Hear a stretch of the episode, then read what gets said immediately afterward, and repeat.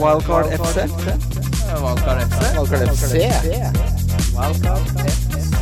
Wildcard FC. Hei, hei, og hjertelig velkommen til Wildcard FC, presentert av NordicBet.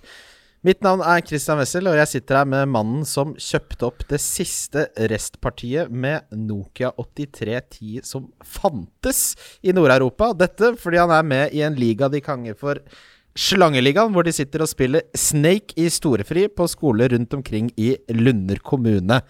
Kim Grina Midtly. Hei, hei. Den er veldig støtsikker også. Ja, så blir den ikke spora av politiet. Nei, jeg har ikke blitt tatt ennå. Nei, veldig bra. Men Slangeligaen, det er passende navn på, på deg? Ja, det er jo et tøft navn, da. Veldig bra. Med oss i dag har vi en av våre favorittgjester, eh, en av våre favorittmenn. Lars Sivertsen gjester jevnlig. Fot Guardian Football Weekly og eh, Talksport, og har selvfølgelig PL-kvarteret, som eh, nok muligens må omdøpes etter hvert, hvis jeg kjenner deg rett, Lars. Hjertelig, vel hjertelig velkommen skal du være. Gått og fullstendig over eh, stokk og stein, det lengden på de podkastene der.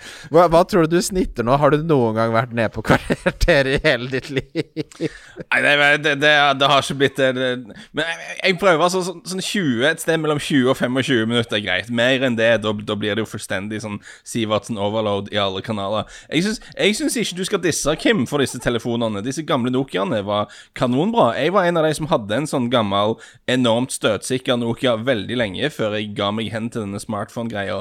Og for en person som jevnlig gjør ting som å bare miste telefonen ned trappa og sånne ting, liksom, så var det gull verdt, det, altså. Det, det, det, det er kanonbra. Jeg skal, jeg skal si deg at Grunnen til at jeg kom på den introen, var fordi jeg satt med noen venner og, og diskuterte hva som var drømmetelefonene våre da vi var sånn tolv. Eh, og da var det 8310 min desiderte eh, drømmetelefon, så det er grunnen til at jeg kom på det. Så ingen skam i det. Uh, skulle gjerne hatt en sånn liten snerten rød en, men det er ikke det vi skal snakke om i dag. Dette støtsikre er så viktig. Det som skjedde her i min husholdning, var at jeg kjøpte en ny telefon, og så var samboeren min veldig på sånn Du må kjøpe en sånn boks utenpå som beskytter den litt mer. Så jeg nei, det er ikke det nødvendig, da. Så sier hun, etter å ha sett meg ødelegge x antall telefoner Hun kjøpte en for meg, og satte den liksom på mens jeg sov. Så, så jeg våkna, våkna opp en dag, og så hadde telefonen min fått en sånn kasse rundt seg som passer på den, og han har vært mye lenger enn de andre, så samboer passer på. Ja, jeg bare gikk en kjapp tur inn på PL-kvarteret her, Lars, for å titte litt. Uh, jeg ser Du har ikke vært under en halvtime på en stund nå, ser jeg?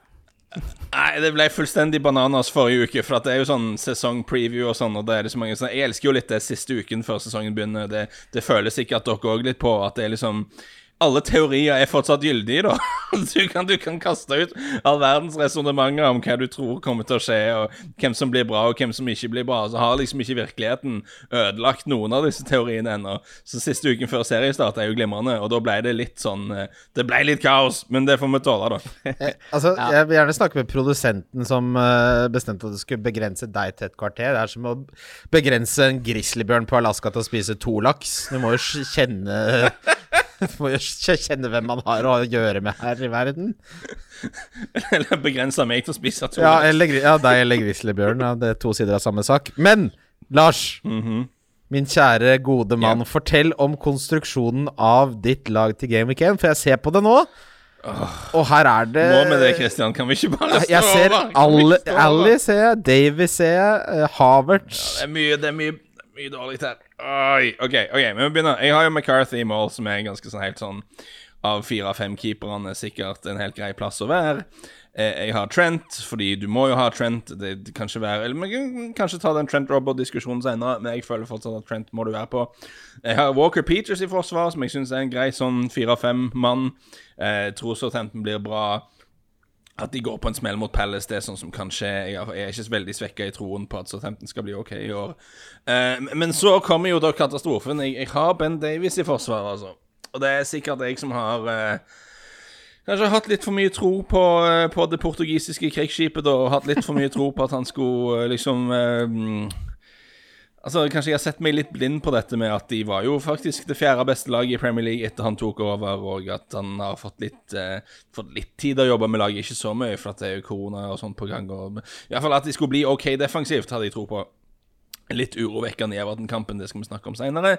Men midtbanen er jo det, er jo det her det har blitt krise. For jeg har fullstendig overtenning å, starte med Havertz. Og det er jo sånn, hvis jeg hadde hatt en kamerat som liksom spilte Fantasy for første gang i år, og ba meg om sånn fem ting du ikke skal gjøre, eller som du skal gjøre Du skal jo ikke prøve å ikke binde opp for mye penger i helt nye spillere i starten. Det er jo ikke lurt. Eh, så å starte med Havertz er jo det er jo en dårlig idé, men jeg tenker at du må jo leve litt. Du må, du må ha det litt kjekt her i livet, så jeg starter med han. Jeg angrer jo litt på det. Eh, Dele Alli har jeg. Eh, det tror jeg ikke var lurt. Eh, av årsaker vi skal snakke om senere. Så har jeg Aubameyang, og det føles, føles OK, iallfall fram til etter neste runde. Så skal han vel fort utstå, men det, det, det, får vi se på. Jeg har altså Maxime, som jeg syns er en OK 5-5-punt. Jeg ser omtrent alle har han, da, så det, det får være. Uh, jeg har Mohammed Salah som kaptein, det var det eneste som gikk bra. Uh, jeg, har, uh, jeg er på Adams-toget. Jeg er på Che Adams-toget på topp, og jeg har Timo Werner. Uh, benken min er en ikke-spillende Ørjan Nyland som keeper. Jeg har Taylor som kom inn.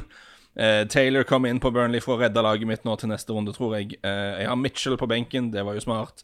og jeg har jo Brewster som en sånn Han ender sikkert opp på en eller annen plass, type alternativ. Ja, det, er, det, er, eh, det, er, noen feller som har blitt gått i her. Eh, vi skal komme til Jeg hoppa rett ut i minefeltet med begge bein, og, eh, og ja. Jeg, jeg, men det, ja, det er mye å ta av. Men det er lett for meg å si, som absolutt gikk i noen feller selv. For ordens skyld, Kim, jeg fikk 82 poeng, hvor jeg da cappa Sala, som jeg ikke gjorde på rundens lag, som ikke kommer til å skje igjen.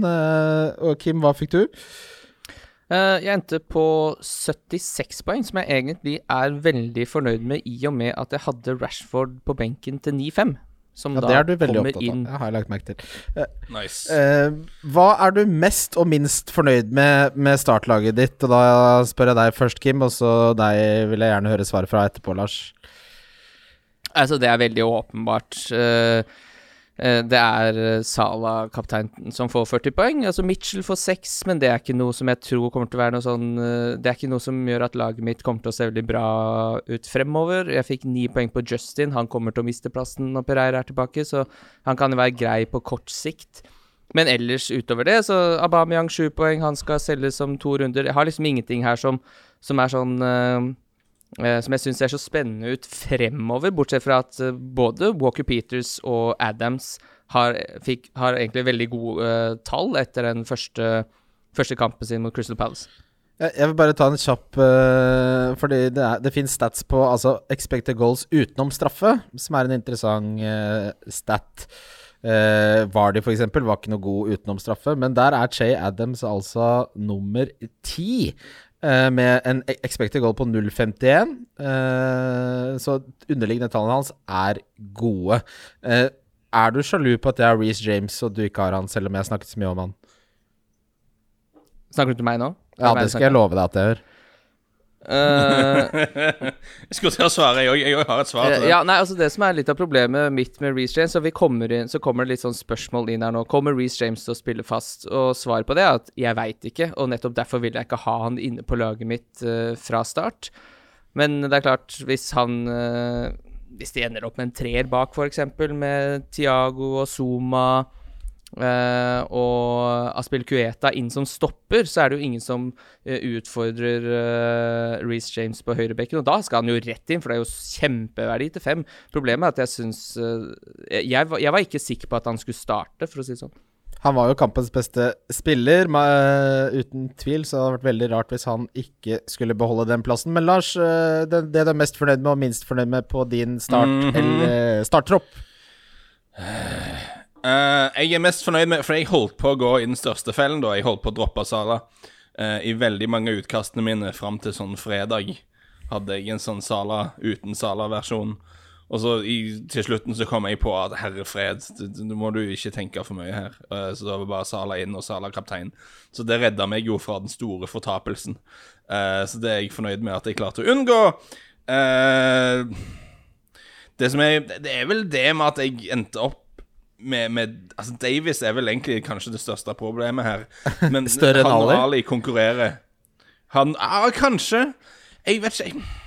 Det er vel det at han hva, skal du si, da, om når han Han har en stor sjanse, da, og, men så blir han tatt ut fordi at Mourinho skal ha inn Sissoko i pausen. Altså, hvis, hvis, han spiller i den posisjonen bak Kane i de neste sju-åtte kampene, så tror jeg han skal plukke noen poeng, da. Men det er spørsmålet om Mourinho skal liksom eh, bare bare kuke det til for alle sammen og gjøre gjør, uh, absurde ting. Da, da, blir det et problem, det òg. Og det er på en måte mer penger som er bundet opp der. Men jeg ble kanskje jeg ble litt stressa av det defensive for Spurs, for hele hypotesen om at Spurs skal bli solide defensivt, var liksom bygga litt på at, uh, på at, Høiberg skulle komme inn og være et kompetent shoulder. Men jeg syns vi så ganske ofte i den Everton-kampen at, uh, at Høibjerg liksom sprang rundt og skulle gå i press. Uh, som om han spilte for Hasselhutten i Southampton fortsatt. Og så ble liksom Hva var det en av de analysegutter på Twitter som påpekte at Harry Winks ble liksom gående der og skulle dekke et helt postkode for seg sjøl. Uh, eh, mens, mens, mens Dory springer opp og ned sånn som han gjør i Wolf, selvfølgelig. Og du står med to nokså treige midtstoppere i Alde Weireld og Dyer bak der. Det blir ikke mange clean sheets av det, tror jeg. Uh, hvis det er sånn det skal være framover. Uh, så, så, jeg føler jo at både Davies og Ali vil jeg jo helst ha ut her nå. Men jeg kan jo ikke gjøre noe Kanskje drive og hitte etter første runde. Så jeg vet ikke helt hva jeg skal gjøre. Det, heldigvis så har vi uh, denne podkasten som vi har for å finne ut av sånne ting. Uh, vi, vi, skal gå gjennom eh, runden som var, så tar vi lyttespørsmål før vi tar runden som kommer, og rundens spillere.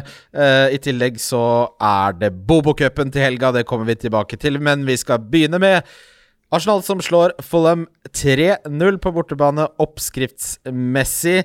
Eh, nå skal jeg si noe av det som er mest provoserende å høre en fantasy-spiller si, er jeg hadde Gabriel inne i en av mine 900 drafts. Men uh, den kampen her, den gikk vel egentlig litt som forventa, kan vi ikke si det, gutter? Jo. Jo. Um, den, stør den største det skal redigeres litt her. Nei, det er bare kjør, bare kjør du, Lars. Men uh,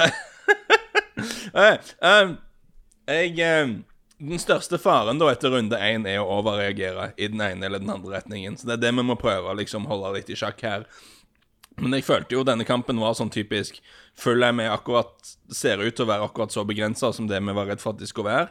Og Arsenal kanskje noen hakk bedre, eh, er mitt instinkt. da Men jeg bare ser at dette Fulham-laget er altså, Sånn Tim Ream og Dennis Odoi og sånne ting. Men altså, vi, har gjort dette før. Det er ikke Premier League-spillere, dette her. Det er jo, de samme, det, er jo det samme forsvaret som ble rundspilt sist de var i Premier League. De har jo ikke forsterka noen ting. Det, jeg skjønner ikke.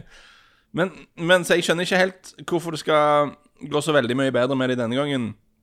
Og jeg er veldig skeptisk, så det kan være at det var, var, var litt flatterende. Men det er ikke til å komme unna at Arsenal så veldig bra ut. Så det, det, De vinner 3-0 og sånn, men det de, de, de, har en sånn god aura, liksom. Spillerne ser ut som de trives. Spillerne ser ut som de vet hva de skal gjøre. De ser ut som de vet hva planen er.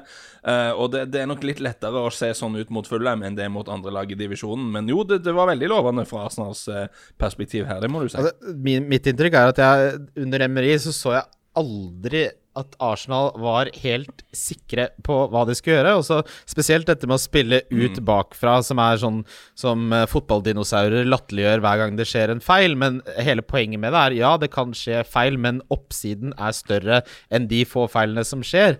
Og Arteta da, har jo bl.a. sagt det der med at, at uh, problemet med å sparke ballen langt, er at da kommer den veldig fort mot deg igjen, ikke sant? Og nå ser du at uh, Uh, dette har spillerne kjøpt helt og holdent. Og det er at Arteta har en positiv innflytelse både spillestilsmessig, taktisk, og det der at du har den der grunnleggende troen på at de vet nøyaktig hva planen er, syns jeg kom veldig til syne, som vi ikke har sett noensinne under Emery. Og jeg er glad for at du nevner det med å spille seg ut bakfra, fordi at det er stor forskjell på å si at de skal gjøre det, og instruere de til å gjøre det, til å vise dem hvordan de skal gjøre det. Uh, og jeg synes de, de, prøvde jo mye å spille seg ut under Emry òg, men det bare virka som de ikke hadde noen plan annet om at ja, prøv å spille dere ut. Det var mye sånn David Louis har ballen og ser seg om, og alle står og gjemmer seg bak motspillere, og han vet ikke hva han skal gjøre. Mens nå ser du veldig tydelig at spillerne tar opp posisjoner der du har pasningsvinkler som gjør at altså, de, de, beveger seg og, og, og, og, gir hverandre alternativer bak der. Uh, på en måte som iallfall ser ut på meg. Jeg vet ikke hva de gjør på treningsfeltet, men det ser iallfall veldig ut som om de har mye mer konkrete eh, instrukser om, om, hvordan de skal få til dette her. Eh, nøkkelspillere fra denne kampen er jo selvfølgelig Aubameyang. Fikk eh, syv poeng, eh, som er akseptabelt, men, men, han selger nok de fleste etter neste, vil jeg tro, uansett. Men William, eh, jeg har tre spillere jeg anbefalte folk å ikke kjøpe, som ikke ser så veldig godt ut i dagslys, og William er en av de. Han sto jo bak absolutt alt, og ha, er han liksom den skapende kraften som Arsenal har savna siden Øzil var god? Jeg vil, Hvis jeg får lov å svare på det Det syns jeg jo ikke, egentlig, men uh, Uh, han har en god fot. Da, Så det er litt den samme som vi så fra Hames Rodriguez i Everton-kampen. At han får lov til å slå den, uh, den lange pasningen på motsatt uh, på motsatt 16 meter, på spissen av 16 meter, og så har du så gode spillere at de kan trekke inn som Aubameyang og score. Så jeg tror ikke vi skal forvente at han får flere assist enn Kevin De denne sesongen her, men bra dødballfot og, og generelt en skapende kraft, men han gjør det jo best når han får lov til å spille fra seg ballen. Ja, men det jeg, jeg, har lyst til å se Arsenal Beklager, jeg har lyst til å se Arsenal spille sånn som det er mot et lag som ikke heter Fulham. Ja. Uh, før jeg uh, trekker noen konklusjoner i den ene eller den andre retningen, egentlig. Uh, det må jeg bare si. altså Jeg syns det er litt sånn første matchday over, overreagering på gang her. Men de var jo kjempebra. Skal ikke si noe annet, men Rolig, rolig. Vil jeg bare si sånn i fancy-sammenheng, etter å ha sett den kampen her, så det første jeg gjorde, var å gå inn uh, For det er jo en ting vi må eh, adressere seinere. Jeg, jeg, vurderte aldri Mitrovic, uh, fordi jeg trodde ikke noe på det Fulham-laget her. Men etter den kampen så gikk jeg og så Ok, hvilke topplag er det som møter Fulham nå de neste kampene? Fordi da uh, tror jeg man snakker jo om det, man skal finne en kaptein som, Eller vi skal finne et lag som man alltid kjører spillere mot, og det virker veldig som det er Fulham nå. Og hvis de ikke får ordna opp i det her, Eh, så ser det jo veldig fristende ut å ha spillere fra andre lag. Men så skal de jo ikke møte Leicester før i Gameweek 10, og så City, og så Liverpool. Og da kan det jo fort være litt annerledes. Så jeg skulle ønske at det kampprogrammet var litt tøffere, faktisk.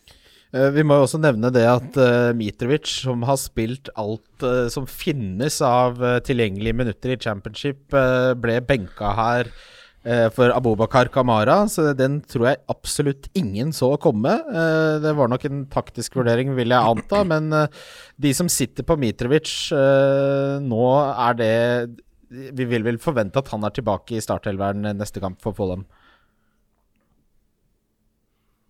Ja, vi, vil jo tro det Jeg må tro det ikke var en sånn småskade, sånn fitnessgreier der. Um, men jeg ville jo ikke sittet på Mitrovic uansett. Altså Spørsmålet er om hvis du sitter på Mitrovic, er det så krise at du vil bruke bytte på å komme deg ut av det? Hvis han ikke starter, så er det jo det. Men uh, jeg vil jo tro han starter neste. Men, men, selv om han starter, er det såpass prekært at du har lyst til å komme deg av det, det toget? For noe Fulham-angrep Igjen, nå, nå, går jeg mot akkurat det jeg sa, da. Man skal ikke overreagere for meg på én kamp, men jeg føler veldig veldig sterkt at noe fullem offensivt vil ikke jeg ha på laget mitt under noen omstendigheter. Jeg, altså, jeg og Kim er vel ganske samstemte med hvem vi ville hatt der, og han heter Che Adams, for å si det mildt. Eller til og med Nå, nå er jeg kjempereaksjonær, men, men, men til og med Patrick Bamford, da, selv om han er litt sånn Uh, ikke verdens beste avslutter, men han skal sannsynligvis fortsette å spille på topp. Selv om Rodrigo er der, jeg tror fort Rodrigo ender opp på kanten, uh, så kan det, det, kan godt være Bamford fortsetter å spille på topp for et lag som er, er, veldig offensivt og får ballen inn i boksen ofte. Og selv om han ikke er verdens beste avslutter, så er han da 5-5 på et veldig offensivt lag. Eller 5-6, han har vel steget nå. Og, selv om Rodrigo de har brukt mye penger på han, så gjør Bamford en veldig viktig jobb der. Det er litt sånn jeg har tenkt meg det, dette her med press, da. altså eh, Bielsa-lag angriper jo, de presser veldig høyt, de presser veldig intensivt. Eh, og, det, og, det, som er med det, er at eh, du, du må ha en spiss som gjør den første forsvarerjobben. Det, det, det, er litt sånn Det er litt sånn Bjørn Eidsvåg. Det, er ingen som kan, kan, kan, gjøre den pressjobben forhånd. Det, må han gjøre sjøl. Jeg tror det var det Bjørn Eidsvåg mente i den sangen. Uh, og, og, og da, da, kan du liksom ikke Du kan ikke bare kaste inn på en ny fyr som ikke kan systemet. Så jeg tror Bamford skal fortsette å spille en del. Uh, og jeg, jeg ville heller vært på han enn Mitro. Prøv, prøver du å, å, sammenligne det å reise seg til psykisk sykdom med å spille spiss for Leeds? Uh, Lars Sivertsen? Uansett. ingen, ingen, kommentar. uh, Crystal Palace Southampton, uh, Southampton er jo et lag veldig mange har spillere fra, meg inkludert, som har to. Mange har tre. Uh, dette er jo en kamp som for meg på en måte viser litt at de lagene som gjerne er på midten, er litt forutsigbare. Og eh, kampbildemessig så skapte jo Southampton mye her. Det så vi Che Adams hadde store sjanser. Han og Redman, når de er litt skarpere, så blir det bedre kombinasjoner der. Eh, har, du, har dere noen tanker om denne kampen? Eh, Begynner med deg, Kim. Uh, altså jeg har ikke gjort meg så veldig mange tanker om kampen utover de spillerne jeg har sjøl, som er da Walker Peters og Che Adams. Og så er det jo verdt å merke seg at uh, Adams har bedre tall enn Ings.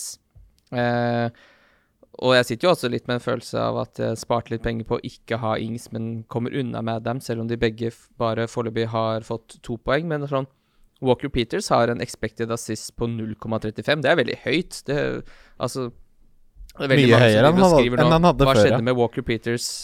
Uh, nei, det, det, som har skjedd med Walker Peters, er at han har spilt én kamp og har gode underliggende tall. Så hvis man f.eks. skal hoppe fra Vinegré, da, som ikke starta, så skal man finne seg en, en, en forsvarsspiller til 4-5 basert på, på, stats, så kan det jo fort ende opp med Walker Peters fordi de tallene er gode. Så uh, spillerne gjorde det bra, det ble bare ikke, det ble bare ikke noe ut av det. Uh, ja, vi kommer jo tilbake til den. Den uh, spilleren til 4,5 med høyest expected assist, altså XA, det var Lamptey for Brighton med 0,51. Men det er klart Kyle Walker Peters kommer mm. til å ha mer å komme med. Noen, noen uh, litt sånne quick takes du har på denne kampen her, Lars? bare at det var et glimrende Altså, jeg trenger ikke nå trenger ikke preker til de omvendte her, men uh, prediker til de omvendte. Men det, det, var et godt eksempel på hvorfor fantasy er fantastisk. Fordi at uh, Palace Southampton er jo en litt sånn med-kamp, egentlig, hvis du ikke har skin in the game.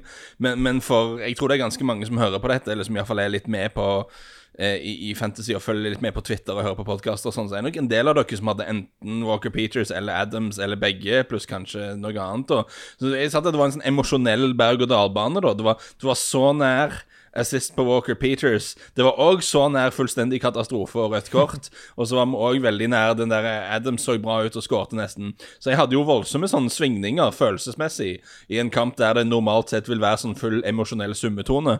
Uh, så, så, det var jo glimrende sånn sett. Det var veldig kjekt. Uh, men jeg, jeg, er bare styrka i troen på at, uh, på at Walker Peters er et bra 4-5-alternativ, og at av de ikke at, at Adams-toget er verdt å sitte på iallfall en del runder til. Da, da, virker det som det er ganske konsensus blant dere to der. Jeg er også helt enig. De underliggende tallene er veldig synes jeg positive. Eh, for Southampton, ingen vits å ha, ta noen forhastete beslutning her. De tallene Che, eh, Adams leverer til seks, eh, som Kim påpekte, er to og en halv mindre enn Ings, og det er bedre tall. Her kommer det flere muligheter, og en positiv ting er jo at det er kontinuitet her fra Hasenhyttel. Dette, dette er ikke et nytt system. De vet hvordan de ønsker å spille, så her vil jeg beholdt troen. Liverpool Leeds var eh, for en jævlig fet fotballkamp. det var jo helt kalabalik. Det var kjempekjekt. Um, det, det, det, eneste Hvis jeg får være litt sånn å være det, det våte kjøkkenhåndkleet her, uh, og, og, og, og, the, the wet towel Altså Leeds hadde strengt tatt ikke så sykt mange sjanser da som det var føltes. De var, bare, de var veldig, veldig effektive. Um, men de var veldig offensive, og de så ut som et lag som når de spiller mot uh, Når de spiller andre kamper enn akkurat uh, Liverpool borte, så de, kan de steile, i stand ting.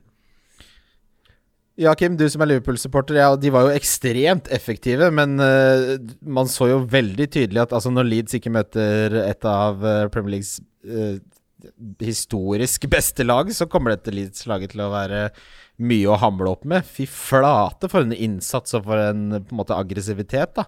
Eh, din tanke, Kim? Uh, nei, altså tanken er jo at det, Hva er det jeg så tall på her nå? Altså de, de slo jo Norwich 4-1 i serieåpninga i fjor. Nytt uh, da Det var jo da uh, de som vant championship. Hvis jeg ikke husker feil. Arrester meg gjerne. og da så jeg på de tallene Leeds hadde nå, og Liverpool hadde i denne kampen. Så Leeds skaper tre sjanser, har en expected goals på 0,37 og skårer tre mål, så da husker vi jo tallene til Che Adams fra forrige, forrige, kamp, som var 0,51. Bare han aleine. Mm. Uh, så, ja. Og Sala ekstremt gode tall. Uh, det, det, eneste er sånn folk driver og snakker Folk driver og skal selge eh, Trent nå fordi Liverpool slapp inn tre mål. Men hvis du spiller den kampen her 2000 ganger, så slipper Liverpool bare inn Slipper bare inn to av de. For så ekstreme er de tallene her. Så det er man, man, Det er litt det samme som med Che Adams, bare fordi det, det ser i målprotokollen ser litt stygt ut, men Liverpool kommer ikke til å slippe inn tre mål på like små sjanser som det de gjorde her. Må bare for ordens skyld nevne her også at uh, tallene til Mohammed Salah uh, er helt ekstreme. Han hadde da åtte skudd uh, innenfor 16-meteren. Ni skudd totalt. To store sjanser, tre skudd på mål, fire sjanser skapt. Dette Altså, tallene hans var bedre enn de dårligste fem lagene til sammen. hvis du har noe tvil om at han er den beste spilleren på Fantasy, så altså, tror jeg man kan begrave den ganske greit. Og og så en annen ting også som jeg syns vi skal legge merke til. Uh, jeg syns Salah har blitt veldig mye bedre på straffe etter at han ble førstevalget på straffer. Det er helt tydelig at han har vært på Melwood og skutt straffer etter at uh, Milner ramla ned som uh, nummer to i rekka der. For før så var det bare Det virka som han smalt igjen øya og håpa på det beste. Men de to straffene han setter nå, det er en helt annen klasse. Det er mye hardere. Eh, altså, før så var det sånn Når man hadde Salah som kaptein, så, og han fikk straffe, så tenkte du å nei, å nei, dette er jo Nå kaster vi jo bare mynt her, om det blir scoring eller ikke. Men han er jo blitt betraktelig mye bedre på straffer. Jeg lurer på om det er et med Salah Jeg lurer på om vi undervurderer han litt fordi, fordi, det var så fullstendig bananas den første sesongen, da. Med 32 mål og 10 målgivende, eller hva det nå var. Og så kommer sesong to, og han ble prisa opp sånn høyt som han ble i FPL. Og han skårer i hermetegn bare 22 mål og har 8 målgivende. Og så er det i fjor så er det bare 19 mål og 10 målgivende. Men, men altså, hvis du har en spiller som du ligger stabilt rundt 20 mål og 10 målgivende hver sesong, så du, du må jo ha han. det, det, er liksom ikke så mye å tenke på det der. Og jeg som, som en person som var veldig, veldig nær å gå i den fella og ikke ta med Salah timer unna å gå, den, gå, på den smellen. Så, så, skjønner jeg at det er jo litt døll, da, for du har så mange spennende ting du har lyst til å gjøre med laget ditt her. Og er bare sånn ja, ja, Sala kaptein nesten hver uke. Samme som de to-tre siste sesongene av FPL. Jeg, jeg føler at det er litt sånn jeg skjønner at det er litt kjedelig. Det er litt sånn som her i England, når, du, når, du, når jeg går på dagligvarebutikken på Tesco hvis jeg, når, kjøper, når du får med deg pose, da, så har de en sånn ordning som heter Bag for life. Hvis den posen du får med deg, blir ødelagt, så kan du ta med posen tilbake igjen, og så får du en ny pose. Og Det føles litt som å, å sitte med Sala igjen som kaptein. Er litt sånn, Da er du litt han som kommer inn med den ødelagte posen, liksom. Det er ikke noe spennende. Du, du lever livet ditt på feil måte. Men du kommer ikke, du kommer ikke unna at det er, det er den beste måten å gjøre du, Tenk, tenk, å sitte der da nå uten å ha hatt Salah første runden, uten å ha hatt han som kaptein som første runden, sånn som mange av lytterne gjør. Det føles jo ikke bra. Ja, jeg, jeg, jeg, kan si Altså, jeg byttet til Salah fra Aubameyang ti minutter før deadline fordi jeg leste leste en stat, så det, jeg også holdt på å gå i den fella. Jeg kan si såpass at hadde jeg ikke hatt Sal som kaptein, så hadde ikke vi sittet og spilt inn her med meg som programleder i dag. hadde jeg funnet andre ting å gjøre. Fy fader. Uh, eh, Westham Newcastle må vi videre til. Jeg gjorde jo litt narr av signeringen til Jeff Henrik, men fy flate som Newcastle trengte en spiller som han. Uh, vi skal ikke lese for mye inn i et Westham som er på gjenvinningsstasjonen i diverse restavfall, eh, både mentalt og spillemessig. Der er det mørkt om dagen, men 0-2 eh, til Newcastle sikra jo trippelen, som gikk inn til 10 odds, og Henrik syns jeg eh, gjorde midtbanen mye mer balansert. Og jeg syns også Jamal Lewis så mye mer villig til å angripe enn det Paul Dummet noensinne har gjort i sitt liv. Så bare de to signeringene har forsterket Newcastle allerede der. Mankio hadde også en av de bedre kampene jeg har sett på høyreback, og Wilson starta også bra. Så her var det mye positivt for Newcastle, og veldig mye negativt for Westham, vil jeg si. Og, og, nå kan det være jeg får overtenning fordi at det bekrefter en av mine teorier, og det er alltid stas når du får teoriene dine bekrefta. Men jeg har alltid tenkt at Jeff Hendrick ser ut som en fyr som kanskje kunne spilt litt fotball hvis han var i et lag der det ballen ikke bare konsekvent gikk over skallen på han i, i 90 minutter, liksom, sånn som han gjorde i Burnley. Uh, og det, det, går litt på at jeg har sett han Jeg har sett han spille en del landskamper for Irland. Uh, fordi min, min samboer er irsk, da, så jeg, jeg, ser flere irske landskamper enn det en, en normal person burde gjøre. Uh, og uh, Ikke det at Irland spiller tikki-taka, men der får han iallfall lov til å prøve litt av og til. Og du ser at det bor litt, det bor litt fotball i han der, og det tror jeg vi vil få se mer av i, i, i Newcastle. samme kategori. Tarkovskij tror jeg òg egentlig er en mye bedre sånn spillende midtstopper enn det han har lov til å være i Burnley. Sånn liten digresjon. Hvis Tarkovskij går liksom til, til, Arsenal eller noe sånt og faktisk får spille fotball, så tror jeg han kunne vist seg å, å være god til det. Uansett, stort sidespor. Newcastle så uh, veldig OK ut. Kim, har du eh, noen presserende tanker her? Mm, nei, jeg må innrømme at jeg, jeg hadde jo Lacelle inne, så ble det ikke det noe av. For da tok jeg heller sjansen på Justin, men det er klart uh, jeg, jeg, var aldri interessert i Sankt Maxime. Jeg så han hadde expected goal på 0,01 og expected assist på 0,0.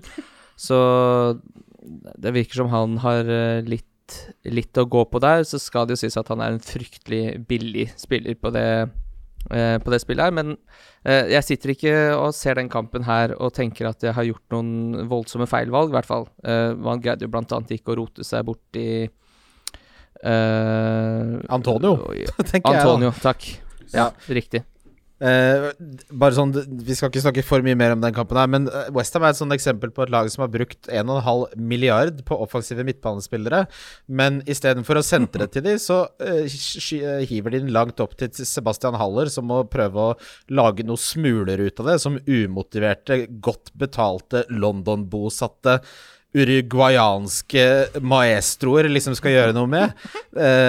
dette er uten mål og mening. Og apropos uh, at trippelen gikk inn pga. Newcastle, Kim, så har vi også denne gangen, i samarbeid med NorgBet, hvert vårt sett med tripler. Og det, vi, vi, samarbeider ikke, men de er ganske like. Jeg kan ta min først. Jeg har da, og nå må du høre etter, Lars. Jeg vet at du er mye bedre enn dette på meg, så jeg vil gjerne ha din uh, stamp, stamp of approval. Du traff i åpningshelga, og det ja. gjorde ikke jeg, så det, jeg, jeg lytter. Jeg har uh, det jeg mener er ganske klinke valg. Jeg har at Everton slår West Bromwich hjemme. Mm -hmm. Jeg har uh, at uh, Å, uh, herlighet At Arsenal slår Westham! Mm -hmm. uh, og Fy flate, nå ble det borte her. Kim, hva er det vi gjør? Nei, der er vi! Du må ha et eller annet Nei, nå, nå har vi uh, At Leeds skal slå Fulham, og Altså at Everton slår West Bromwich, Leeds slår Fulham, og at Arsenal slår Westham, er trippelen min. Den er boosta i odds til 4,60. Og de snille damene på Malta har til og med gitt deg odds på at den ikke går inn på 1,17. Rentebett? Dette, dette, er litt provoserende, Kristian, for det var egentlig det som jeg hadde tenkt til. Jeg gjør jo lignende ting, og jeg hadde tenkt å ha det som min trippel nå, men jeg kan jo ikke ha den samme. Han er helt lik, ja. Så nå Det blir, jo, det jo ikke bra. Uh, så jeg må gå i tenkeboksen og se om jeg kan finne noe annet. Få høre din trippel, Kimmy-gutt. Ja, nå har jo Lars sagt at han skal ha nøyaktig den samme som deg, så det er tydelig at uh, det er noen kamper som stikker seg ut her. Fordi jeg har Everton over West Brom. Jeg har Leeds over Fulham men i stedet for Arsenal så har jeg Leicester over Burnley. Og den er bussa til fem. Uh. Jeg, jeg, kunne spilt begge de to utenom mukke. Veldig bra. De finner du under Love the Bet på NordicBet. Der vil du alltid finne de spesialspillene uh, som blir satt opp uh, grunnet vårt samarbeid med Norges beste bookmaker. Ok, videre til West Bromwich Leicester 0-3. Kastagn er jo en av Må jo være den spilleren som har gått mest under radaren eh, for oss, Kim. Han har vi ikke snakka et mm -hmm. ord om. Nei, altså, men det er jo hva skal man si, ja? Vanskelig å liksom skulle det høres, ut som, det, det høres ut som en ferdigrett fra Toro. Skal vi kjøre en kastanje i dag? ja, det er jeg enig i. Men det er sånn Uh, han koster én million mer enn Justin. Uh, hvorfor i alle dager skal jeg gjøre det, på en måte? Uh, det er ikke så Man sitter ikke så godt i båten. Hjem, ja, hjemme mot Burnley, og så er det City borte. Ja, og så var det Det, er, det, det er noe med den informasjonen mer, hvordan, hvordan var det vi klarte hvordan var det vi klarte å gå glipp av den ja, Vi gikk jo glipp Vi skal være så ærlige i det yrket vi holder på med, at vi har jo ikke nevnt han engang. Hvor, uh, Lars, dette kan du mer om enn oss. Hvor ble han kjøpt? Hvor ble han kjøpt fra? Hvor god er han? Uh, han? Han er en bra spiller, og det som kanskje gjør at det som kanskje er til å like her, da, fra et FPL-perspektiv, er Ja, han, han er en offensiv back. Uh, spiller for et lag som plutselig kan komme til å spille litt trebackslinjer sånn utover. Rogers har gjort det før, så plutselig spiller han wingback. Uh, og han kan spille på begge kantene, da. Uh, så, så, selv når Pereira kommer tilbake igjen, så kan det godt være han spiller. Bare han spiller på venstre, da, over Justin, f.eks. Uh, så, så du kan sette han der, da. Så vil han sikkert tikke og gå og få, i, få inn en del poeng. Um, men det er nå den prisen, da. Det, det, det, det, er litt mer enn det jeg syns. Altså, hadde han vært fem blank, så hadde det vært kjempeinteressant. Men jeg syns for 5-5, så Det er litt dyrt. Det føles, det føles som hakket med akkurat litt for mye, for meg, for helt ærlig. OK. Uh, da kan vi Da, da Kan vi si Altså, han hadde Beklager. Uh, altså, ett et mål og to målgivende for Atalanta i fjor. Fire mål og to målgivende i forrige fjor, da. Så han, han, han gjør jo litt offensivt, men han er ikke noen sånn, sånn koko Bananas uh, megaoffensiv type.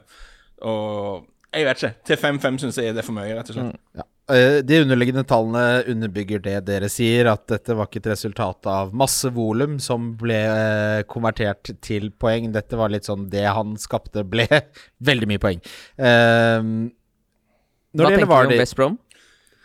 Bare Jamie Vardy veldig ja. kjapt. Altså, Det er sikkert en del som ser oh, toppskårer i fjor, skårer to mål. Men altså, det var to mål på straffe, og han hadde like mange avslutninger i denne kampen som hunden min utenfor de straffesparkene. Uh, og, og, det er ikke sånne ting som får meg til å bare trekke i nødbremsen og jeg må på Vardi-toget med en gang. Det, det, det, altså, den, den uten over. straffen her så hadde han hatt to poeng. Han var ikke involvert i noen ting utenom straffene. Men straffe teller jo det òg, men uh, hans expected goals utenom straffene var tilnærmet null. Uh, Kim, du ville nevne Du ville snakke litt om West Bromwich. Her så jeg ikke veldig mye jeg likte så fryktelig godt. Har du noen tanker der, Kim? Nei, altså jeg syns jo egentlig altså, Jeg kommer ikke til å bruke altfor mye tid på å snakke om West Brom, de som hadde Johnson i, i, i, i, mål, er nå én ting. Men nå har de jo henta Dette er jo en fancy podkast, vi må jo snakke om at de i dag, for 45 minutter siden, bekrefta Ivanovic. Rumpa? Bekkrumpa er tilbake i byen. Be sånn serbisk biff i Birmingham. Ja, hva tenker du om det, Lars? Han ble jo avskilta for fire år siden. At, at, at, at, det er nok en West Bromwich-spiller jeg aldri skal ha på fancy-laget mitt. Nei, det frister ikke veldig. Han, en, en, en av mange. Hadde han kosta 3,5, så skulle jeg snust på det. Men det, det, er jo bare Det er nostalgi på samme måte som, eh, som å spise Uh, Wienerschnitzel er det, liksom. Det er jo ikke noe godt, men man gjør det for å legge på skinka. Var, han var jo bra, selvfølgelig fantasy-legende i sin tid, men det er sånn altså hvis eh, Hvis Gary Lineker skulle spille for Tottenham, liksom, så tror jeg ikke han hadde vært noe bra valg. Uh, selv om han hadde vært det for en del tid tilbake siden. Yes. Uh, da kommer vi til Spurs-Everton. Jeg vil først bare si litt om Everton før dere, du skal få dissekere Spurs. Uh, mange lytterne våre som har Uh, eh, gleda seg veldig Det er litt sånn dårlig, litt sånn dårlig forbindelse her nå, Christian. jeg Uh, ja, da, ikke sant? Det, det, det, er veldig mange av lytterne Vet hva som har skjedd. Det er veldig mange av lytterne våre som har sett veldig frem til det. Men når det gjelder Everton Jeg og Kim har jo snakket mye om at de trengte å erstatte midtbanen. Det har de da gjort med kjøpet av Alan Ducoré og Hames Rodriguez. Og allerede nå så ser de fryktelig mye sterkere ut. Dign, som var en annen spiller jeg anbefalte ikke Kjøpet eh, hadde syv innlegg inn i boksen, som er fryktelig gode tall. Ricarlosson hadde syv skudd eh, når han brukte den plassen som Dockerty etterlot seg da han angrep for Spurs. Eh, altså, eh, Ricarlosson hadde i det store og hele veldig gode tall. Hames Rodriguez derimot eller ikke derimot, han hadde fem forsøk til assist, altså store sjanser skapt. Han hadde tre skudd, hvorav to var innenfor boksen. Til 7,5 så er dette så gode tall at hvis det fortsetter for Hammes Rodriges, så kommer han til å være en av de mest underprisa spiller, spillerne på hele fantasy. Ja, jeg må bare lynkjapt si det at grunnen til at de tallene er så lave, er jo at Richarlison ikke er noen voldsom avslutter. Uh, han, han, dette, er den, dette er jo den samme pasningen som William kjører der. Altså Slå den da i det tomrommet som Dockerty etterlater seg, så får han egentlig ganske god tid til å gå innover. Eh, og så er han jo ikke god nok avslutter, egentlig, til at eh, eh, Så det kan jo på en måte være et litt problem da, for de tallene her, at Calvert Lewin og Richardson er litt for dårlige avslutter, men eh, når han koster 7-5 eh, Jeg vet ikke, Altså, sitter, Cal- det sitter Calvin litt langt Calvin inne for Lewin meg. ha- Ca- Calvin Lewin hadde kun to skudd. Rikarlison hadde sju, så det er ganske stor forskjell mellom de, Kim. Ja, ja, men vi så Calvert Lewin i siste halvdel av sesongen, og da så han helt grusom ut. Så det er, ikke, det er jo ikke toppspisser Everton har her, men jeg har jo mye mer troa på Calvert Lewin enn jeg har på at Richarlison skal opp på 15 goaler, 15-20 goaler. Men av de tallene jeg nevnte der, så er det jo Hames Rodriguez som er den mest interessante. Ikke Rikarlison eller uh, Calvin Nei, nei, men altså, dette er jo sjanser han skaper. De skal jo settes i mål, er jo poenget mitt. Ja, sånn, ja. Eh, Men Er vi, er vi, er, beklager, er vi helt steinkalde på Calvert Lewin, altså? jeg er ikke helt steinkald på han i det hele tatt. Jeg vil si jeg er eh, en Grandis som har stått på benken i 30 minutter. Ok, For jeg er, jeg er litt sånn, sånn low-key interessert i litt snuser? Eh, med tanke på at dette Ja, med tanke på at dette her eh, Everton-laget var såpass eh, Funka såpass bra såpass tidlig i prosessen, for å bruke et kjipt ord, sånn som de gjorde. Du har en spiller der som er stor og sterk nok til å vinne ting i lufta og kan heade, eh, som òg er ganske kvikk til beins, som beveger seg hele veien, som skal nå ha en mer eh, rasjonell og stabil midtbane bak seg. Eh, jeg, hmm, jeg syns Altså, jeg sitter jo Jeg er på, jeg er på Che Adams-toget i et par runder til, merker jeg, og det er ikke noe jeg vil brenne et bytte på. Men jeg tenker jo sånn medium term om det er mulig å finne en million en eller annen plass og gjøre Che Adams til, til Calvert Lewin for min del, så er det noe jeg er meget interessert i. Og det var òg du, du nevner disse oddstipsene mine, Christian. Jeg, jeg la ut noen sesongspill før sesongstart her, og, og du fikk eh, 1,78 i odds på at Calvert Lewin enda på over 10,5 mål. det det, det, syns jeg var Den, den er sånn Den, skal, den, jeg, den er jeg ganske hardt inne på sjøl, altså. For det, det, jeg tror det blir et bra Calvert Lewin år, altså. Det må jo sies også at Everton har uh, nydelige kampprogram. Det er West Bromwich hjemme, Crystal Palace borte, Brighton hjemme, så er det Liverpool, men så Southampton, så Newcastle. Så det, det jeg har vært inne og titta på, er sonen til Hammes Rodriguez, må jeg ærlig innrømme. Og hvis Pulisic fortsetter å være skada, så må jeg gjøre noe der også. Så Hammes Rodriguez uh, gjorde jeg litt narr av før sesongen starta, men uh, der har jeg et helt annet uh, syn på han nå, og jeg tror liksom Angelotti og Rodriguez virker å være en match made in heaven. selv om vi kun har én kamp å gå etter. Nå vil jeg ha din analyse Du har jo tatt, tatt, vært gjennom Spurs litt, Lars, men kan, kan vi få kortversjonen av hva som gikk gærent, og hva som må skje her? Kortversjon? Ja, ja takk. Eh, kortversjonen av min Tottenham-analyse er vel kanskje ah! det, det, det, er jo helt jævlig. Um, uh, og det, det som er liksom tungt, da OK, tape mot Everton tror jeg det er en, fort en del lag som kommer til å gjøre i år, for jeg tror dette er et ganske bra Everton-lag. Men det er liksom at Tottenham er dårlige på de mest forutsigbare eh, Mourinho-måtene man, man, kan tenke seg. Ok, Det var, det var svakt helt fra starten av, men utover i første omgang så begynte de iallfall faktisk å skape en del sjanser. Ikke, ikke fordi midtbanen fungerte på noen helst måte, men de klarte å komme seg forbi midtbanen på en eller annen måte, eh, og, og, og, klarte å skape et par sjanser likevel. Og Jeg vurderte å tweete noe sånn som at dette kom til å bli en sånn kamp der Tottenham spiller dårlig, men, eh, men en av spissene gjør noe smart og skårer et mål, og de vinner, og så sier alle at Mourinho han vet hvordan han vinner, you know, he knows how to win. Um, det føltes litt som en sånn kamp utover i første omgang, syns jeg. Og så kom jo da skandalebyttet i pausen, da, når man tar ut Ali og, og setter inn på Sissoko for å spille høyreving, og, og Lukas Moras nummer ti. Sånn, Jeg fatter ikke hvordan, hvordan en manager med med en, en, en, hvilken som helst manager, en manager med en puls, eh, kommer fram til at eh, Lukas Mora som eh, nummer ti og eh, Momo, Momo Sissoko på, eh, på høyrekanten er noe Det er liksom ideallaget der. Det, det er så sinnssykt. Og, og, etter det så skaper de jo omtrent ingenting og er helt hjelpeløse. Så, så det, det, var veldig lite eh, positivt der, egentlig. Og ja, jeg, jeg, var, jeg, ble, jeg, ble, veldig skremt. Og eh, hele at, at Dyer på død og liv skal bli en midtstopper, det er det som er prosjekt Dyer nå, Jeg er veldig skeptisk. For problemet også med at med, med han og Aldeverel sammen, så det, det er ganske temposvakt stoppapar, det der. Eh, Mourinho har jo plutselig funnet ut at han vil at de skal presse litt mer, da. Det er jo spesielt, for det er jo noe Mourinhos lag gjennom hele karrieren hans omtrent aldri har gjort. De har stort sett sittet dypt og vært reaksjonære. Men du ser han sier det en del i den der Amazon-dokumentaren. You guys, we have to press. Og han sa, det nå etter kampen, at de, de skulle presse mer. Uh, men det er jo noe aldri lagene hans har gjort. Det, ikke, det må presse i fotball. Det handler ikke bare om at du skal jage ballen litt mer. Det, det er litt mer organisert enn det. Hvis du ser på de lagene som gjør det bra, så er det faktisk planlagt at de setter visse feller og og de har visse momenter der nå man Det, det er ikke bare sånn spring mer. Det er ikke helt sånn det funker da. Jeg vet ikke om det er noe Mourinho liksom har i seg å coache. Og det var sånn typisk sånn jeg er kanskje en bekymringsverdig prestasjon. De var kjempedårlige. Men jeg er òg veldig bekymra for det som skjer etter kampen, da. Når eh, Isteden Altså, det er masse formildende omstendigheter her. De har hatt en vanskelig sesongoppkjøring. Eh, det har alle lag hatt, selvfølgelig, men de har vanskelig sesongoppkjøring. De har tett kampprogram framover. Det er masse ting Mourinho kan skylde på. Og det hadde vært fullt mulig for Mourinho å gå ut etter denne kampen og bare sagt Vet du hva, dette er så vanskelig, det er umulig for oss å spille fotball nå, med, og, og forsvare laget sitt. Men isteden så går han ut og bare Nei, spillerne er late, og det var altfor dårlig, og sånt. Det, det, det er liksom sånn det, det, er alt det verste, da. Et lag som ikke kan strøpe, ikke kan uh, slå pasninger til hverandre. En manager som føler at ja, dette her er jo ikke min feil. Dette er, det, det, Spillerne er for dårlige, de har dårlig mentalitet, de er late. Du har allerede Ben Davies har gått ut og sagt at han ikke var enig, da, at han syns de jobber godt. Og det går litt sånn uh, rykter om at spillerne er sure fordi at de får skylden for alt som går galt.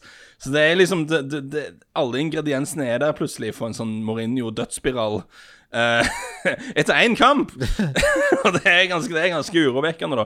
For det er kanskje noe av det mest fascinerende med Mourinho, selv om jeg er veldig skeptisk til han uh, som type, og det han står for rent fotballmessig og sånn, kan jeg ikke nekte for at dette er en fyr som har vunnet utrolig mye og hatt en helt utrolig, utrolig karriere.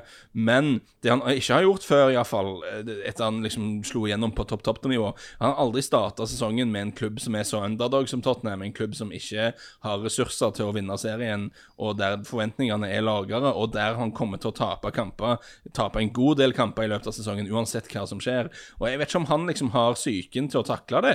For hver gang det går dårlig, så tilter det jo helt, og da må han, han må finne unnskyldninger, og han må skrive, finne måter å forklare folk at dette ikke er hans feil på. Og han er mer opptatt av å beskytte sitt eget image enn av å fikse ting. om virker det som utad, iallfall. Han, han er en manager som når han var yngre, så var, gjorde han hva som helst for å beskytte spillerne fra kritikk, mens nå gjør han hva som helst for å beskytte seg sjøl for kritikk. Jeg må bare si... Og det er ganske stor forskjell. forskjell. Ja.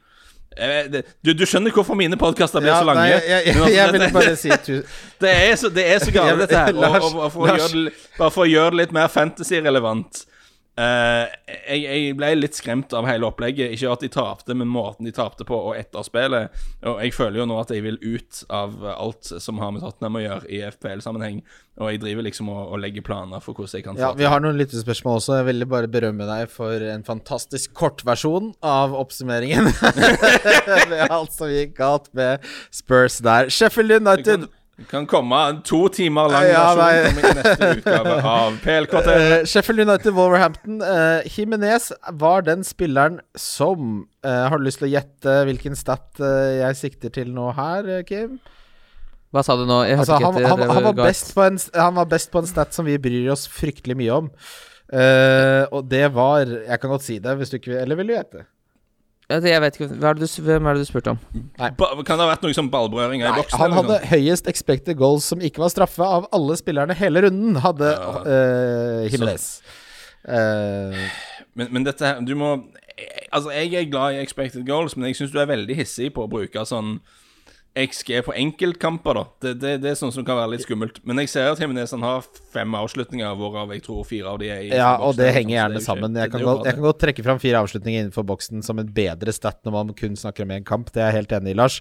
Uh, mm. Mm. Uh, helt enig der. Men Connor Cody er litt morsom å nevne, for han har, han har ikke hatt et skudd på mål de siste to sesongene, og da mener jeg null. Men Roman Size har vi jo snakket mye om i preseason, og han skåret og hadde, fikk en kjempefangst. Wolverhampton sin defensive, defensive soliditet virker absolutt å fortsette. Eh, mange ble skuffet pga. Vinagre, og det er nok kjørt, det programmet der. Noen tanker, refleksjoner dere har gjort eh, her, Kim? Eh, nei, egentlig ikke noen voldsomme tanker. Jeg kjørte Vinagre fordi bah, Jeg vet ikke, jeg hadde ikke så interessert i size, egentlig, over tid, selv om det Jeg ble litt sånn nervøs for uh, han Han kan spille både det ene og det andre, han som kom inn der, han uh, Markal.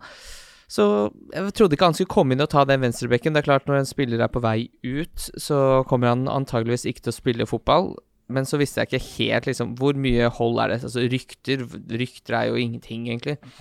Men uh, Så det var en bommert. Så endte jeg opp med 0-5 i banken. Burde jo åpenbart ha kjørt size inn.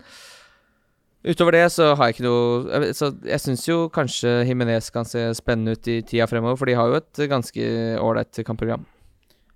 Ja, det er jo så stabilt og trygt med Wolverhampton, eh, om du går for Size eller om du går for Jimenez. eh, Det er nok kanskje de to jeg helst ville valgt av, av alle sammen. Så er det jo så stabilt over tid, eh, og det er noe å sette pris på i fantasy-sammenheng. Det Vi går videre til Brighton-Chelsea. Jeg vil bare si én ting. Ja. En lynkjapp ting der som er sånn Det kan være interessant, men kanskje ikke. Eh, det er jo han Burr som koster fire, som var da den eneste som kan spille høyre wingback, egentlig, i dette laget her. Bortsett fra Eh, Adama Traore. men så kommer jo Adama Traoré og tar den plassen. Spørsmålet er jo skal, er det den beste plassen til Adama Traoré. Nå kom han jo inn og fikk 22 minutter, så kanskje han sakte, men sikkert eh, skal inn der og få noen minutter over tid, og så flytter de Adama Traoré opp i treeren. Det er noe å følge med på. Det kan jo bli en kjempeverdi dersom han Det, er- Ja, ja, altså, sakte, men hvis, sikkert hvis kommer han Hvis han får den plassen, og de dytter Traoré fram der hvor han er best, så er det en veldig god observasjon. Da kan han være Ja, for han er, Fryktelig han er jo god. åpenbart ikke ute av miksen når han kommer inn og spiller 22 minutter. Absolutt. Og kan jeg, kan jeg snike inn veldig kjapt òg, før vi går videre, at jeg syns bare sånn på øyetesten syns jeg Daniel Podens så skikkelig bra ut. Så de har City neste, da, så du skal ikke ha noe Wolves inn nå. Men de har jo den rekka på Westham, Fulham, Leeds, Newcastle og Crystal Palace etter det. Nå Han er ikke helt nailed, altså han er litt inn og ut av laget, men jeg tenker til 5-5 eh, tr- jeg tror han tar mer poeng over de fem kampene enn en del av de andre 5-5-alternativene. Altså, Eh, så, hvis du har, så hvis du har et mulighet til å ta et bytte der, så inn på, på den Det er kanskje ikke det viktigste å fikse med lagene deres. jeg, jeg, må, ja, jeg må innrømme at uh, etter den City-kampen så frister Podens mye mer enn det Maximan gjør, hvis ikke vi ser litt mer produksjon fra han, men det burde jeg jo visst, for det var det alle sa til meg før første runde startet. Brighton-Chelsea vil bare jeg, jeg, jeg, 0,4 eid. Ja, men altså, jeg må bare lynkjapt Ingen har vi, vi må ikke glemme at uh, Adama Traoré ikke opptar en plass i den treeren på topp der nå, pluss at vi har en spiller som over de to sesongene han har fått lov til å spille Premier League, som er Diogo Jota, har prestert ganske bra også i den rollen, så uh, jeg ville heller kjørt Uh, Selv om jeg ikke har så voldsomt tro på Maxime, han spiller uke inn og uke ut.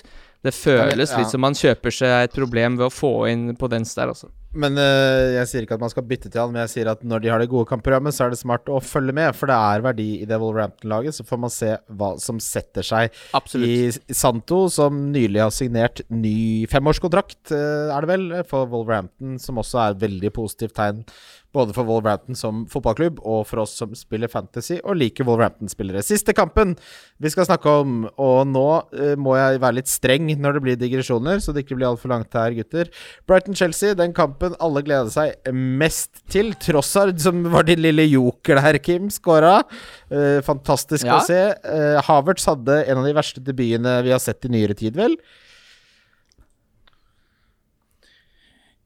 Jo, ja, men jeg syns jo det er òg litt Altså jeg, jeg, jeg skjønner ikke hvorfor han spiller høyre ving. Jeg, hva er det som skjer der? Altså, Du har kjøpt en av de mest sånn spennende offensive midtbanespillerne på kontinentet, og så skyver du han ut på høyre kant fordi at Ruben Loftus Cheek skal spille som nummer ti. Hva, hva, hva er det Frank holder på Ja, med? han lærer jo, han lærer jo av det. Det, det er spe spesielle, sp veldig spesielle ting. Så jeg sitter jo på både Ali og Havertz.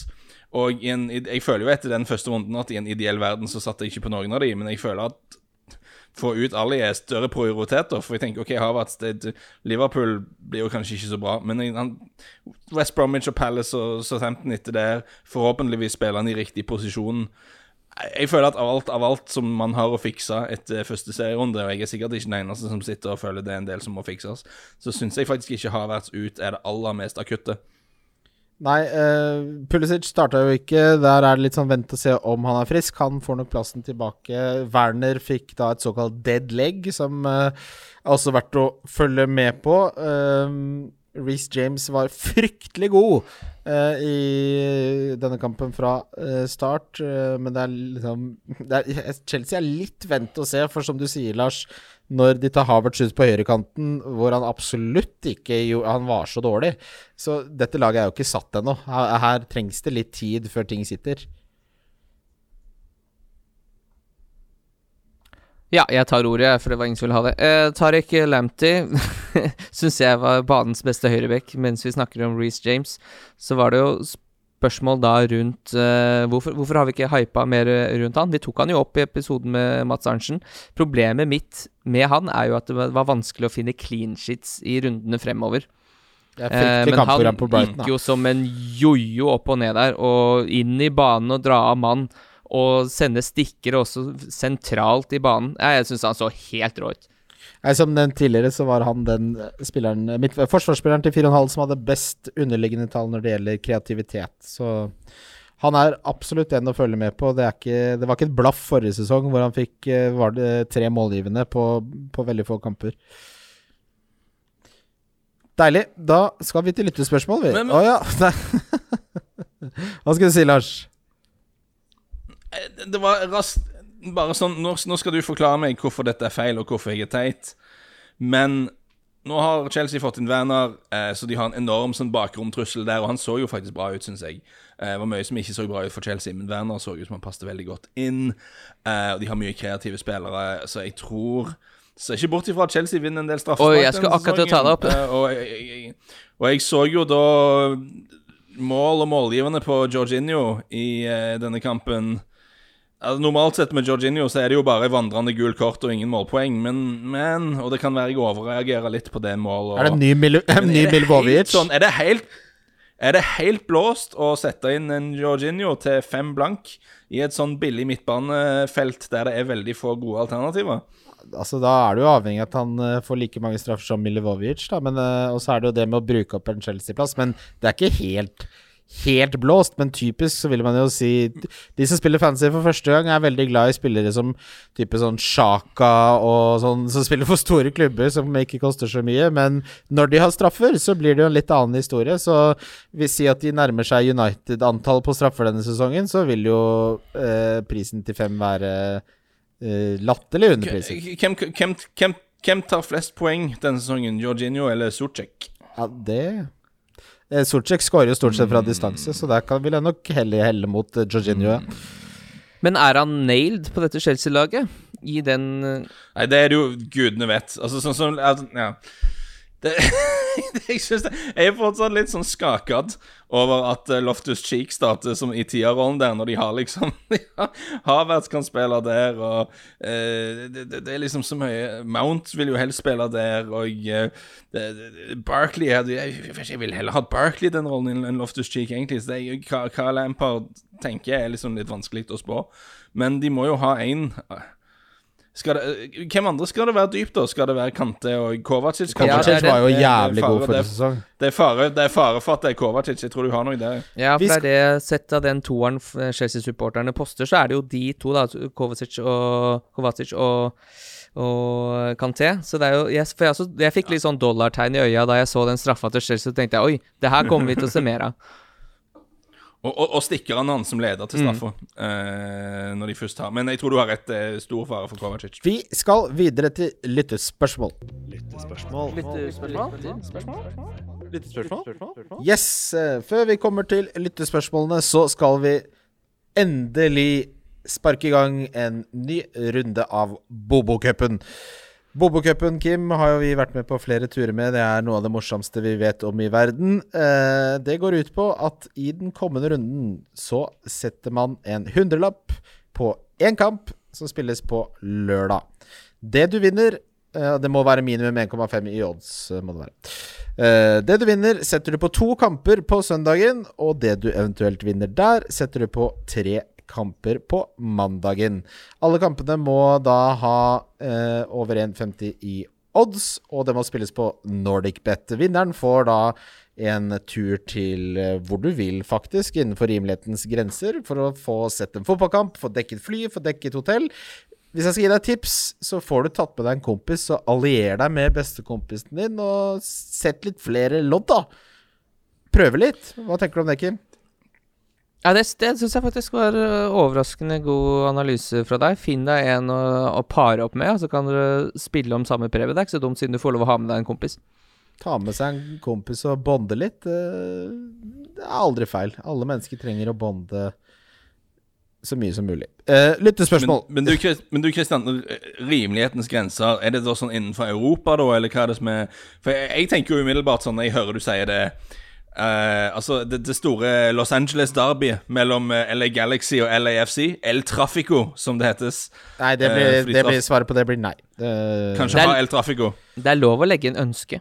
Ja, Legg inn ønske, så får vi se hva de gjør nede på Malta. Men, eh, Shanghai-derby Shanghai-derby mellom men, men du skjønner jo hva rimelighetens grense betyr. Du, nå er du jo som et barnehagebarn som er verden. Altså, altså, det er jo som hvis, hvis du er en 13 år gammel jente og jeg sier 'kom hjem til en decent tid', så kommer du ikke hjem halv fem etter hvert på nachspiel.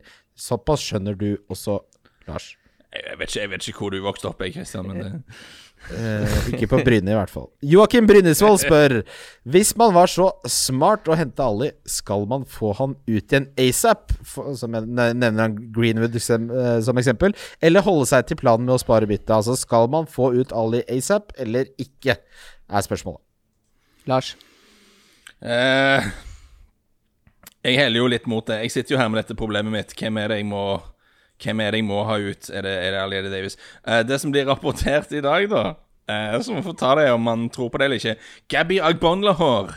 Aston Villa-helten Gabby Agbonlahor har eh, sagt han jobber nå, han er sånn ekspert på Talksport, en, en radiokanal der jeg òg er innom av og til, at han har sagt at um, uh, I'm, I'm hearing from a good source that Dele Alli and Mourinho have fallen out.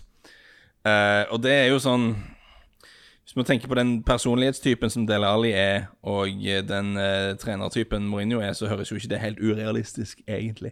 Um, så jeg vet ikke. Jeg, jeg føler at um, jeg, jeg vurderer veldig Det kommer litt å, å svi av et bytte på det, fordi at uh, en, en, ting er at, en ting er at En ting er at de kan ha krangla, men det er også dette her altså, Har du lyst til Er er Tottenham-angrepet en plass du har lyst til å være grepet en plass du har lyst til å være nå, egentlig, framover? Det var liksom så tannløst. Så jeg, jeg, jeg heller imot å få han ut denne uken, for å være helt ærlig. Selv om jeg òg hadde planlagt å spare bytte, altså. Eh, jeg, eh, jeg eh, har sånn, og hadde, jeg, skal spare byttet, bare for han kan fint gjøre et eller annet mot Southampton, men Ali hadde, hadde jeg vært fryktelig frista til å bytte til noe annet, og da hadde jeg nok snust på Hams Rodriguez hvis det var meg. Hva med deg, Kim? Du har vel Ali? Ja, men jeg snuser på Harvey Barnes, som har helt utrolig bra stats fra den lesekampen. Leicester-kampen. mip, mip, mip, mip. Mip, mip. Harvey Barnes-greien. Jeg- jeg- jeg- Vi er alle enige om at Harvey Barnes ser ut som en milliard. Ja. Harvey Barnson som spiller jeg blir veldig galen på hver gang jeg ser han For han er veldig mye involvert, men så blir det aldri noe av det. Så det er veldig provoserende. Men uh, jeg, ser jo at på et eller annet tidspunkt så kommer han til å få det til å stemme, og da blir han veldig, veldig god. Så du kan jo sa Spørsmålet er, hva, spørsmålet er hva er verdien i å hoppe på det toget før det har forlatt stasjonen? Jeg tar bare Altså, han har skudd i boks, så er det bare Sala som hadde flere den uh, runden vi var inne i. Han har et uh, fint kampprogram, godeste Harvey, med dobbel hjemmekamp der, og jeg syns ikke det ser sånn ut i det hele tatt. Får en million i banken også, som jeg egentlig ikke trenger, men Ja, jeg vil heller ha han. han enn Hames Rodriguez, i hvert fall foreløpig. Ja, og så er det spørsmålet med Hames Jeg er jo, jeg er jo veldig frista til å I all den tid United verken har henta Sancho eller Bale eller noe som helst, så mener jeg jo det må være verdi å få inn Greenwood. Selv om han overpresterte sin XG noe ganske dramatisk i vår.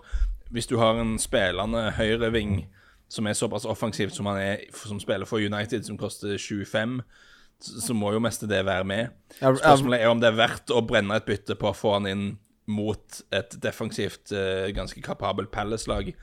Eh, mens Ali da kanskje skal spille, kanskje ikke skal spille mot Southampton, som var et bedritent hjemmelag i fjor. Ja. så det er, litt, det er en tøff vurdering. Eh, FPL Kjørekjør spør Gi meg en poeng poenggrense på når dere mener det er forsvarlig å aktivere wildcard, gitt at man hater laget sitt. Nei, jeg tenker alt eh, Alt, alt fra minus tolv oppover. eh. men, men da Altså, min, min erfaring, sånn som nå, da, når jeg så på du vet når deadline er over, og så ser man på pick team, og så ser ja, Altså, laget mitt møter Liverpool, og så møter de Chelsea, Manchester United. Det, det ser så jævlig ut. Og vet du hva? Typisk da er da man får 70 poeng ut av intet. Jeg venter. Uh, man, man skal være La ting sette seg litt nå. Jeg kan gjøre heller tre grep når jeg har to gratisbytter. Jeg ville ikke spilt wildcard etter gameweekend, 1 med mindre du har uh, havna noe fryktelig utpå. Hva syns du, Kim? Nei, altså, jeg syns man skal sitte med wildcard uh, nå. Ja. Altså, det er jo sånn det, det, det, blir så ekstremt da når det bare har vært én runde, men det er bare én gameweek. Det er jo akkurat som å få 46 poeng i gameweek 23 når de andre får uh, 74. Så kjører du ikke wildcard nødvendigvis da heller, fordi det er sånn uh, det er, Og det er ofte uh, Det er ofte en justering på de som fikk lite poeng runden før. Får ofte mer runden etterpå, fordi man har jo gjort langsiktige valg. det håper jeg i hvert fall han har gjort når han har satt opp det laget sitt. Eh, så ofte overvurderer man eh, eller undervurderer laget sitt, rett og slett, fordi man har hatt en dårlig gameweek. Og det har bare vært, det har bare vært én gameweek. Kan godt hende at neste runde så eh, Så blanker Salah, Aubameyang eh, og Werner. Og da sitter du plutselig godt i det, da, når du har henta Mitrovic som skårer to. Ja, det er jo som både FPL Sigurd var inne på, og som Lars påpekte i sted, at eh, mange av disse tallene vi snakker om, har nesten nesten ikke verdi før man ser de Før det er mange nok kamper å se på. Altså Én kamp er altfor lite å basere ting på. Så med mindre du har tatt inn masse spillere som ikke spiller, eller holder på noe fryktelig, så er wildcard etter Game Week 1 altfor tidlig syns jeg. Uh, denne episoden ble Jeg, jeg syns dere hadde Jeg vet ikke om det var forrige episode eller den før, men dere hadde en veldig veldig god diskusjon egentlig om hva man skal gjøre med wildcard nå i høst. Og jeg heller jo veldig i den retningen at det er så mange variabler nå med Plutselig har du et lag som får korona, uh, plutselig kommer det overganger. Det er liksom så mye som kan skje, som gjør at du plutselig sitter der om et par måneder og hater hele laget ditt. Og ikke bare fordi at det har vært én dårlig runde, men fordi du har tre dårlige runder, og du har liksom seks bytter du må gjøre. Jeg føler det er fare for at det kan skje, da. Så uh, det tidlige wildcardet i år føles eh, veldig skummelt. Jeg er helt enig. Uh, siste spørsmål er noe jeg også lurer på. Uh, veldig mange av lyttespørsmålene vi fikk, vi fikk fryktelig mange. Vi har besvart mange av de selv om vi ikke adresserer de, så beklager de som ikke fikk navnet sitt opplest. Vi kommer tilbake til dere. Tusen takk for at dere stiller oss lyttespørsmål, det setter vi fryktelig pris på. Men Christian Nysæter eh, stiller spørsmål som jeg har lurt mye på selv, og jeg har gjort dette mye på dataspill, men jeg aner ikke hvordan det egentlig fungerer, og det lyder som følgende. Dere pratet om et par spillere som var transferlistet i forrige pod. Hvordan funker den lista? Hvor er den? Henges den opp på veggen på, klubbkontorene? Er det delt Excel-ark mellom alle klubbene på toppnivå under Uefa? Hvordan i helvete vet Halifax at Steve Cook er til salgs hos Bournemouth? Vennligst forklar hvordan dette funker i praksis. Eh, jeg tror det er helt konstruktivt. Så er det noe med at hvis en spiller ber om en overgang, så sier de fra seg noen, en del bonuser og sånne ting. Uh, så jeg tror det er noe det kan gå litt på, da. Men klubbene kan jo også si 'nå er han til salg'. Sender de da ut en felles ja, selvfølgelig. fax? Selvfølgelig. Er det en felles fax? Er det en mail? Har de en G-Suite? Har de en Slack-kanal? Det hadde vært veldig bra hvis det var en sånn Premier League Discord ja. Det er bare sånn uh, Ja ja, nå det, det, jeg legger meg ut Øsil her nok en gang. Er det, er det noen som vil, noen som vil ha litt Mesut? Vil, vil, okay. vil, du ha litt Mesut i så, din by? Ja, Så Halifax vet ikke om Steve Cook er til salgs eller ikke? Eller hører de det liksom fra jungeltelegrafen? Eller hvordan, vet du hvordan det fungerer, Lars, eller vet du like litt som oss? Nei, det, det, det, blir veldig mye uformelt. Det blir sånn at uh, hvis en spiller er misfornøyd, så sier de til agenten sin at du tar, kan du ta noen ringerunder og se om det er noen som vil ha meg. Eller, og, og, klubber liksom det samme. De vil jobbe da for å finne alternativer for en spiller som de ikke, de ikke vil. Meg bekjent er det ingen faks som går rundt med en uh, liste med navn på. Veldig bra. Vi skal videre til runden som uh, kommer, Kim. Og det som skjer nå, er at uh, jeg vil kun ha ett take fra hver kamp. Og det må da være det mest presserende, mest viktige taket fra kampen uh, som kommer. Everton West Brom, Kim. Din Jeg skulle ønske jeg hadde Ding her, for jeg tror ikke West Brom er i stand til å score. Og jeg likte veldig godt det han produserte i Game of 1. Mitt take er uh, Her kan det hende at uh, Son uh, blir til Hames, men jeg venter nok en runde. Men vi kommer til å følge denne kampen med argusøyne for å se hvor bra Everton kan være. Her har jeg veldig troa på Everton. Lars, ditt beste take? Jeg jeg, jeg syns West Bromwich så og jeg, Samme som Fulham så egentlig så dårlig ut som jeg var litt redd for at de skulle være mot Leicester. og Everton så veldig kompetent ut mot Spurs, så det, det skal være en bra Everton-kamp. Ja, Leeds Fulham uh, Her blir det Er Fulham så dårlige jeg tror de er, og er Leeds så så godt drilla som de så ut som eh, Liverpool, eller var det bare at de var fryktelig effektive? Det er min tilnærming til den kampen her. Jeg skal ikke ha noen av de. Uh, deg, Lars? det, det som jeg burde ha sjekka før sendingen, som jeg ikke har sjekka før sendingen, er hvordan det gikk når de spilte mot hverandre i fjor, for vi har jo faktisk en fasit her. Men jeg, jeg syns jo da Hvis Leeds spiller slik de gjorde mot Liverpool, mot Fulham, så bør de jo vinne dette her ganske greit.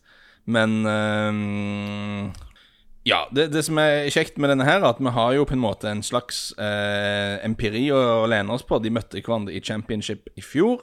Uh, og da, om jeg tolker dette, disse tallene jeg har her foran meg riktig, så vant Leeds 3-0 på hjemmebane, men tapte faktisk 2-1 borte. Så uh, Og disse lagene er jo veldig like. De har jo ikke gjort voldsomt mye på overgangsmarkedet, men jeg klarer likevel ikke tolke det annet enn ja, Dette er min korte hot take. Går det bra, dette? Jeg, jeg klarer ikke tolke det veldig annerledes enn at Leeds bør være gode, og jeg føler at det kribler litt i det kribler faktisk litt i, i, byttefoten for å få inn noen Leeds her, men jeg, helt, jeg vet ikke helt hva det skulle vært. Nei, uh, Leeds har brukt en del pe mer penger enn Fulham, i hvert fall. De har brukt godt over en halv milliard på en midtstopper. Eh, I Kokk og Rodrigo har de også brukt en del penger på, men uansett Det er to, det er to spillere, da. Resten av laget er omtrent det samme. Come ja, Fulham har jo ikke kjøpt noen ting. Ja. Uh, bortsett fra Alfonse Areola, som var god på FM for fire år siden. Manchester United, Crystal Palace. For meg så blir dette kampen hvor uh, jeg har lyst til å se om uh, Har Manchester United knukket koden på lag som kommer til å ha ti mann bak ballen, og de ikke får lov til å kontre? Kim, hva tenker du? Nei, det er nøyaktig det samme jeg tenker også. Så har jeg jo da Rashford inne. Uh, jeg ja, tror Manchester United vinner, men som jeg har sagt Har du, har du hatt ham på benken? Jeg har ikke hørt noe om det før, skjønner du. Hva sier du? Nei, Har du hatt Rashford på benken? Jeg har ikke hørt noe om det før. skjønner du Jeg heller har ikke fått ja. med meg hva Kim sin posisjon der er, egentlig. Nei, for du, har, har, du, har veldig, du hatt ham på benken sånn du, Var det sånn at du ikke trengte å bytte et bytte på Rashford fordi han hadde du benka? Var det sånn det var? Ja, jeg hadde uh, Rashford på benken i Gameweek 1, og han tenker jeg nå å sette innpå mot Crystal Palace. Uh, men som jeg har snakka om før i podkasten, jeg tror ikke det her blir noe sånn målkalas fra Manchester United sin del. Uh, så håper jeg jo at jeg har feil, for jeg hadde jo Rashford på benk i Game of 1. Lars? Jeg så det var en smarting på Twitter, jeg vet ikke om dette var et sarkastisk spørsmål eller ikke, men det var en som lurte om det var forsvarlig å bytte ut Salah fordi at de skulle ha inn Bruno. Nei. Og da er det bare å trykke i nødbremsen og uh, ta fram den der eh, øksa de har på toget for å slå deg ut av vinduet og sånne ting. Og du kan, du kan ikke gjøre det. Det er helt alarm og katastrofe. Det, det kan du ikke Nei, det er noe dummeste jeg har hørt. Uh, Arsenal Westham. Hot take, Kim. Aubameyang kaptein. Samme her. Uh, Lars, hot take, og nå mener jeg hot take. Tenk at du er i, tenk at du er i Camden, og noen um, prøver å knivranne deg, og du skal ha den siste flaska med Pinot Noir. Så en helt normal tirsdag, er det du prøver å si? um, Arsenal er ikke nødvendigvis så gode som de så ut mot Fulham, men det kan godt være Westham er like dårlige som Fulham, så dette kan bli eh, kalas og spetakkel, og jeg skal òg ha Aubameyang som kaptein. Southampton uh, Spurs oh, Her angrer jeg litt at jeg ikke tok Southampton på bongen, men uh, hot take her, Kim. Che Adams kommer til å skåre. Enig. Lars? Hot take er jo at Spurs var helt katastrofale, men Southampton var det nest dårligste hjemmelaget i Premier League i fjor. Av, av mystiske årsaker. Så jeg, det er kanskje ikke så bombesikker H som det kanskje så ut som i, i Tottenhams kamp mot Everton. Men jeg har absolutt ingen tillit til Tottenham her i det hele tatt.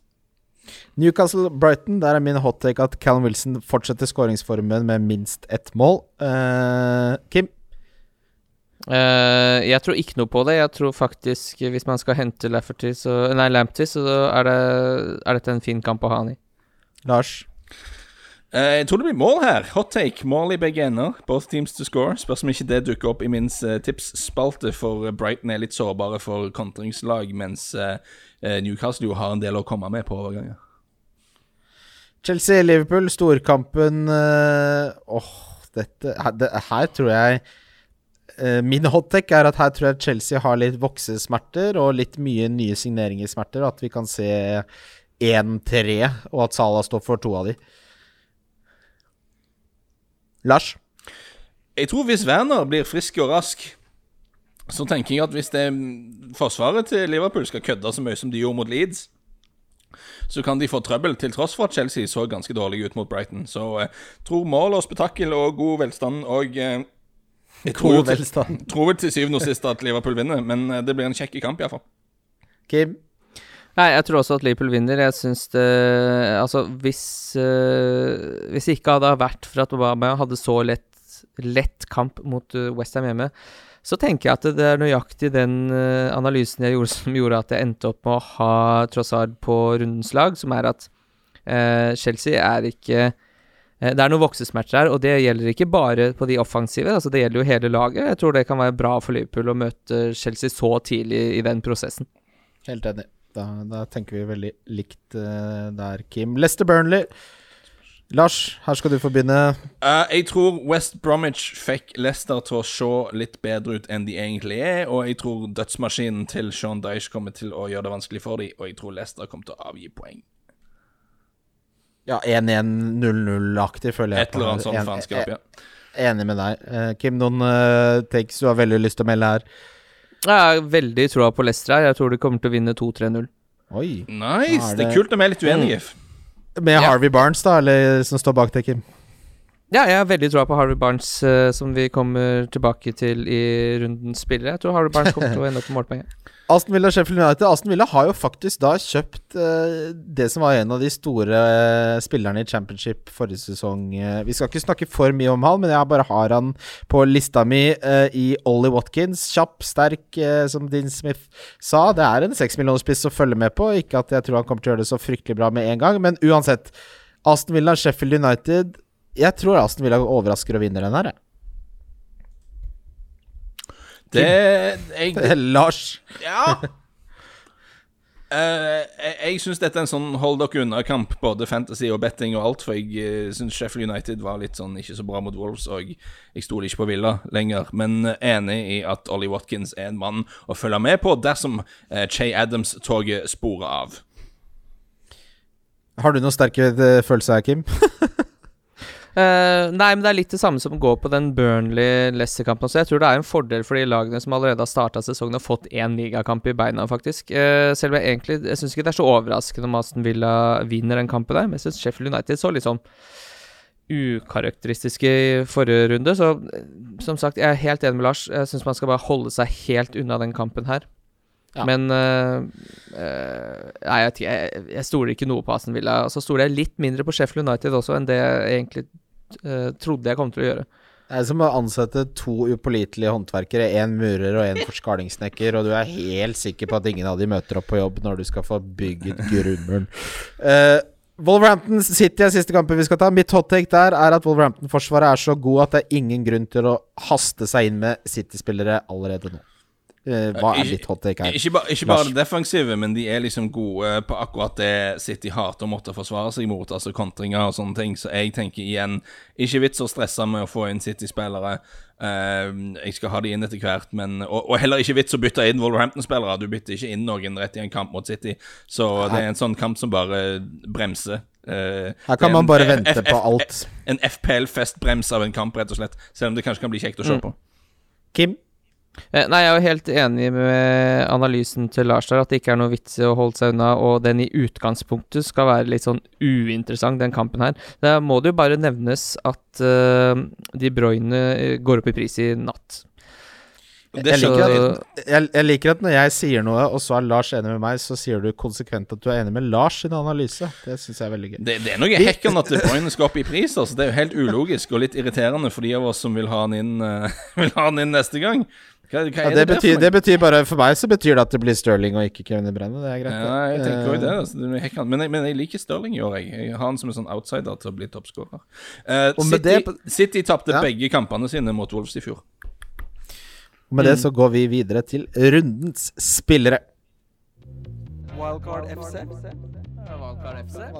Endelig har vi kommet til rundens spillere, andre versjon. Eh, en av mine favorittspalter. Vi begynner med kaptein, og der går jeg for eh, Altså, en av grunnene til at jeg hadde Aubameyang, var denne kampen. Han møter et Westham uh, som, eh, som er i skifteretten, både emosjonelt og spillemessig, og på alle mulige måter et menneske og en fotballklubb kan eksistere.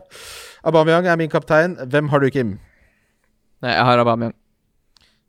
Hvem er du, Lars? Jeg, jeg, jeg- forstår det ikke helt. Jeg skjønner ikke hvorfor det skal ha blitt så krise i Westham. De solgte en spiller som noen mente de ikke burde selge, ok, men det er jo fortsatt det samme laget som avslutta sterkt i fjor.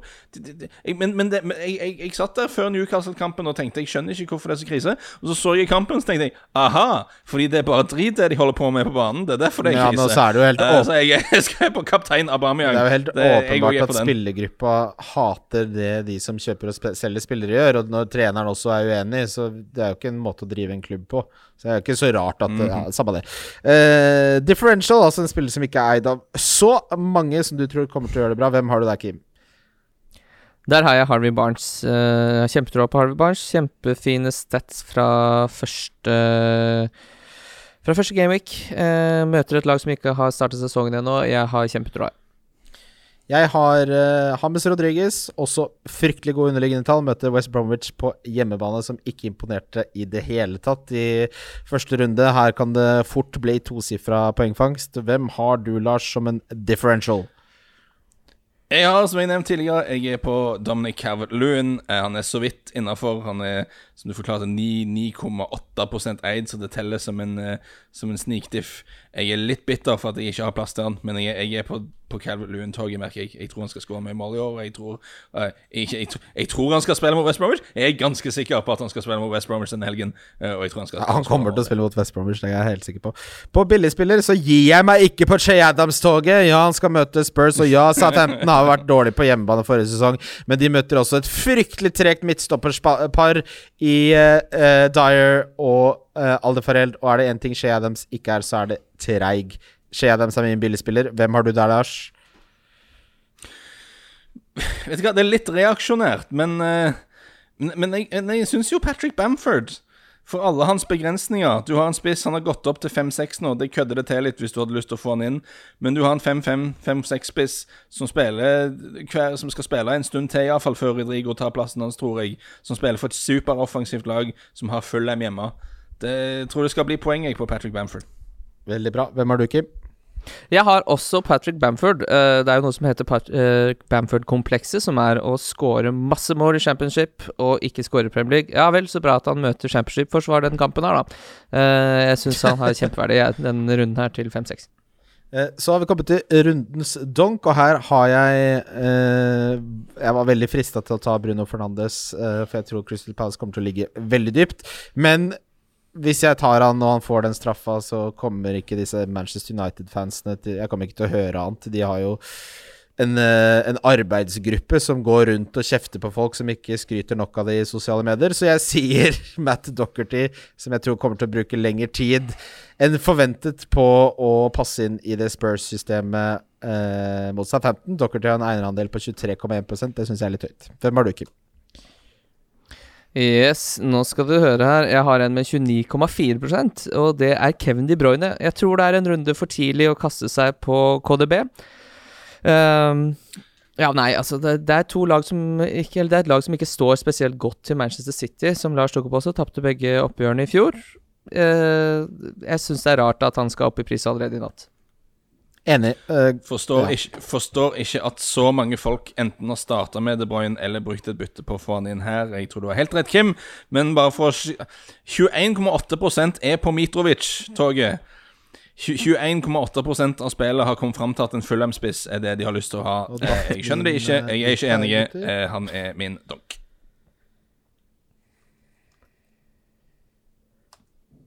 Jeg syns det er en kjempedonk, jeg. Hm? Jeg syns det er en veldig god donk. Er du her fortsatt? Christian, er du her? ja, jeg, jeg kommer. det var jeg- dataen jeg som døde. Bare altså. fortsett, dere. Eh, Har Christian daua? Fikk han slag av hvor, eh, hvor smart jeg var Christian her nå? har dødd, ja. Ja, ja. Nei, det var jo smell. Det er jo litt dårlig nytt for, uh, for framtiden til Wildcard, det, altså. Ja, jeg er litt enig. Er du inne igjen nå, eller, Christian? Jeg har jo ikke egentlig tid til å gjøre kjør dette, du, Kai Vegas. Du må finne en annen. Der, ja! Nå hører jeg. Hva, hvem var det du sa, Lars? Beklager. Det døde nok krasja Chrome her, rett og slett.